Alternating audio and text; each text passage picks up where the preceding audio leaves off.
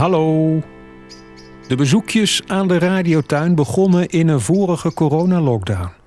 Zodat je thuis toch nog van de natuur kon genieten. In eigen tuin of op je balkon. Nou, we zitten weer in een lockdown. Gelukkig is de natuur vlakbij. Je hoeft alleen maar even je huisdeur uit. Dat is ook zo in de radiotuin. Dat is mijn eigen stadstuintje, ergens in Zeeland. Waar het vooral, s'nachts toch, winters begint te worden.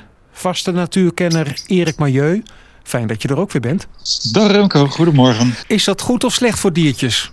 Ja, dat is een goede vraag. Er wordt wel eens gezegd dat de mensen die niet zo van al die plaagdiertjes houden, denk aan muggen en zo, dat die eigenlijk heel graag willen dat het eens even goed stevig gaat vriezen. Ja, want dan vriezen ze dood. even, eh, weg met al die nare beestjes.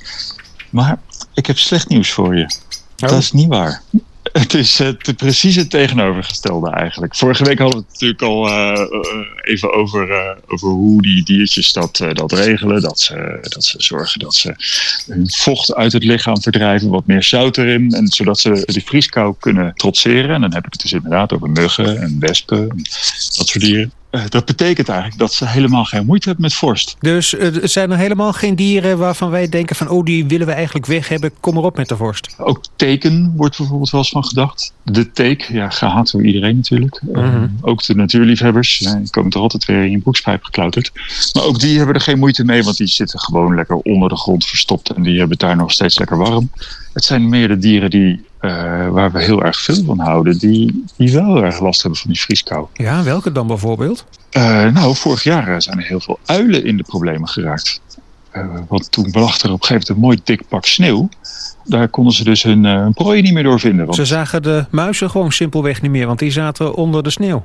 Ja, ja, voor een uil is het eh, binnen een dag of eh, twee, drie zijn de, zijn de voorraden op. En dan eh, liggen ze uitgeput in een hoekje. Stel dat, dat er ineens weer een pak sneeuw valt. Wat ik dan eigenlijk doe is, ik pak een beetje vogelvoer en ik gooi dat over dat sneeuw heen zo s'avonds laat. Komen er wat muizen op af. En dan hebben de uilen toch nog een hapje te vinden. Ja, maar dat vindt de muis dan weer niet fijn.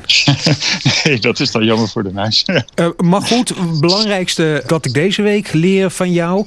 is dat het fabeltje, want dat is het eigenlijk... van laat de vrieskou maar komen en dan is het ongedierte weg... dat werkt dus niet zo.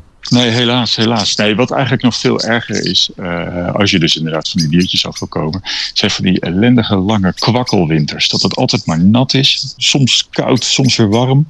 Dus ook voor de overwinterende poppen en larven is, is een kwakkelwinter is eigenlijk veel desastreuzer. Dankjewel in elk geval voor jouw bezoek aan de radiotuin. Winterse tuin, in een soort rust dus. Hoewel, de merel, koolmees, duif, mus... ze vechten soms om een hapje.